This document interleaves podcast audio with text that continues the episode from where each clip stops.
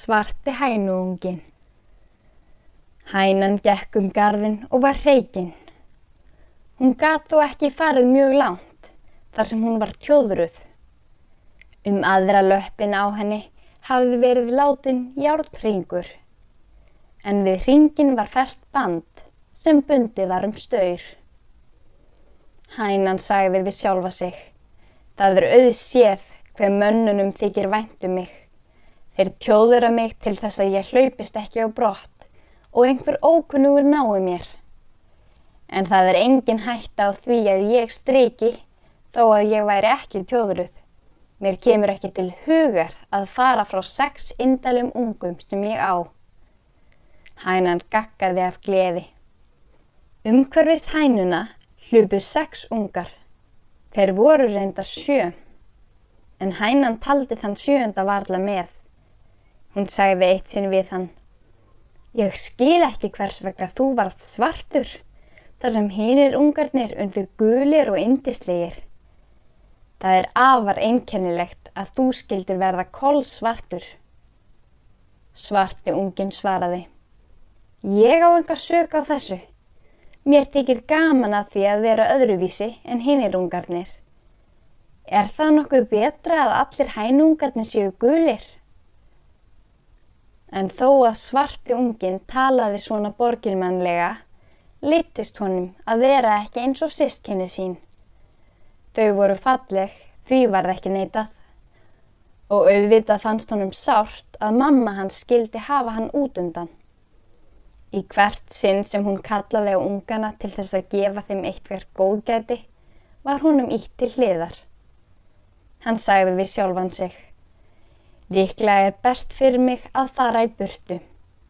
Ef til við sakna þau mín þegar ég er farin. Svo fór ungin sína leið. En hann fór ekki langt. Hann fór bara dálítinn spöl neðar í gardin þar sem hann faldi sig í þjættum runnagróðri. Þarna kunni hann vel við sig og hafði nóg að geta. En þó saknaði hann dálítið móður sinnar og sýstkina. Hann heyrði móður sína kalla og kalla. Þó að henni þætti kannski ekki einsvænt um svarta ungan og þá gulu, þá vildi hún ekki missa hann. Litti flótta ungin var nú komin á fremsta hlunn með að fara til móður sinnar. En þá heyrði hann einhverja að tala saman í grendinni. Seks gulir kjúklingar, mjög fallegir. Við getum hæglega stólið þeim þegar þeir fara frá móður sinni. Þeir eru svo litlir að það er engin vandi að ná þeim. Hinnræningin sagði, við getum vafalust selt á fyrir gott verð. Við býðum það til um miðjan daginn. Þá er húsmóðurinn í eldhúsinu að matreiða og lítur ekki út í gardin. Ágætt, sagði hinn. Þetta verður barnaleikur. Svarti ungin gæðist millir runnana til þess að sjá hverjir töluðu. Það voru tveir vondir strákar. Þeir ætluðu að stela sískinum hans. Að líkindum áttu þeir heima þarna í grendinni. Þeir voru hænsna þjófar. Hugsa sér að þessi strákar skildu vera svo illa innrættir.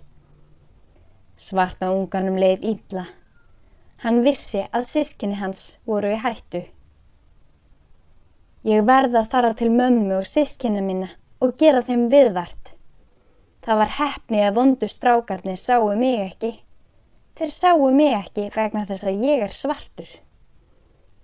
Skömmu síðar lættist svarti hænungin á stað áleiðis til móður sinnar og sístkina. Þú verður barinn, sagði eitt af sístkinum hans. Mamma er svo reið vegna þess að þú komst ekki þegar hún kallaði. Ekki býst ég við því að verða barinn, sagði svarti ungin. Ég hef fréttir að segja henni sem hafa þau áhrif að hún refsar mér ekki. Þetta reyndist sannleikur. Hænan byrjaði að vísu að skamma svarta ungan en hætti því um leið og hann myndist á áform vondu strákana. Þegar hann hafði lokið frásökt sinni, sagði hann Var það ekki gott að ég heyrði hvað vondu strákarnir ætluðu að gera?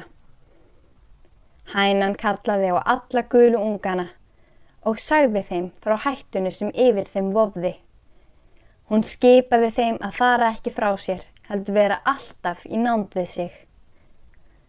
Hænan og ungarnir sex voru auðvitað afar þakklátt fyrir að fá viðvörunina sem bjargaði þeim úr bráðuri hættu. Drengirnir komu á tilsettum tíma, en þeir sáu þá að ekki var hægt að stela ungunum vegna þess að þeir voru alltaf hjá móður sinni. Ef þeir reyndu að taka þá, myndi hænan gala af lífs og sálar kröftum og gera fólkin í húsinu þannig viðvart. Við verðum að reyna á einhverjum öðrum stað, sagði annar drengjana. Svo fóru þeir. Eftir þetta voru móður og sistkinni svarta ungans góð við hann. Það má segja að hann væri nú elskaður og virtur innan fjölskyldunar. Þegar hænan eignaðist góðan mat, fekk svarti ungin hennar ávalt besta bitan. Honum þótti nú ekki framar leifinlegt að vera svartur. Saga eftir óþægtan höfund